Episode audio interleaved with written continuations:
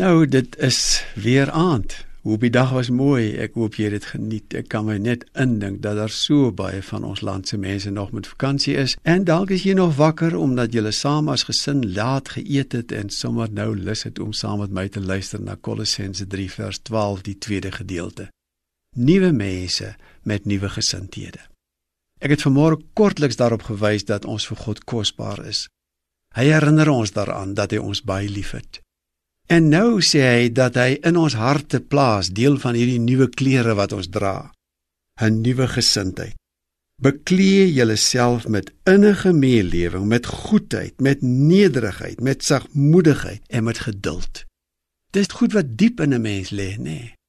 Hierdie goed kleur jou lewe.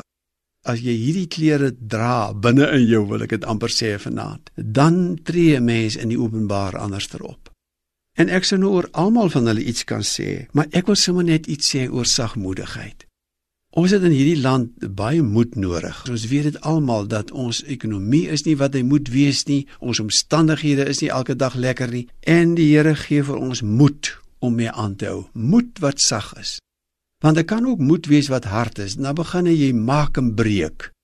Jy wil as dit ware by die Here oorneem. Hy is nie betyds genoeg volgens jou sin nie en hy straf nie die regte mense nie en voor jy vir jou kry doen jy dit sommer.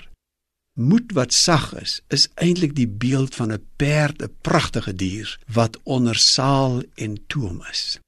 Ek is onder die beheer van die Heilige Gees. Hy help my om met moed te lewe wat sag oorkom, wat nie hard en wreed is nie.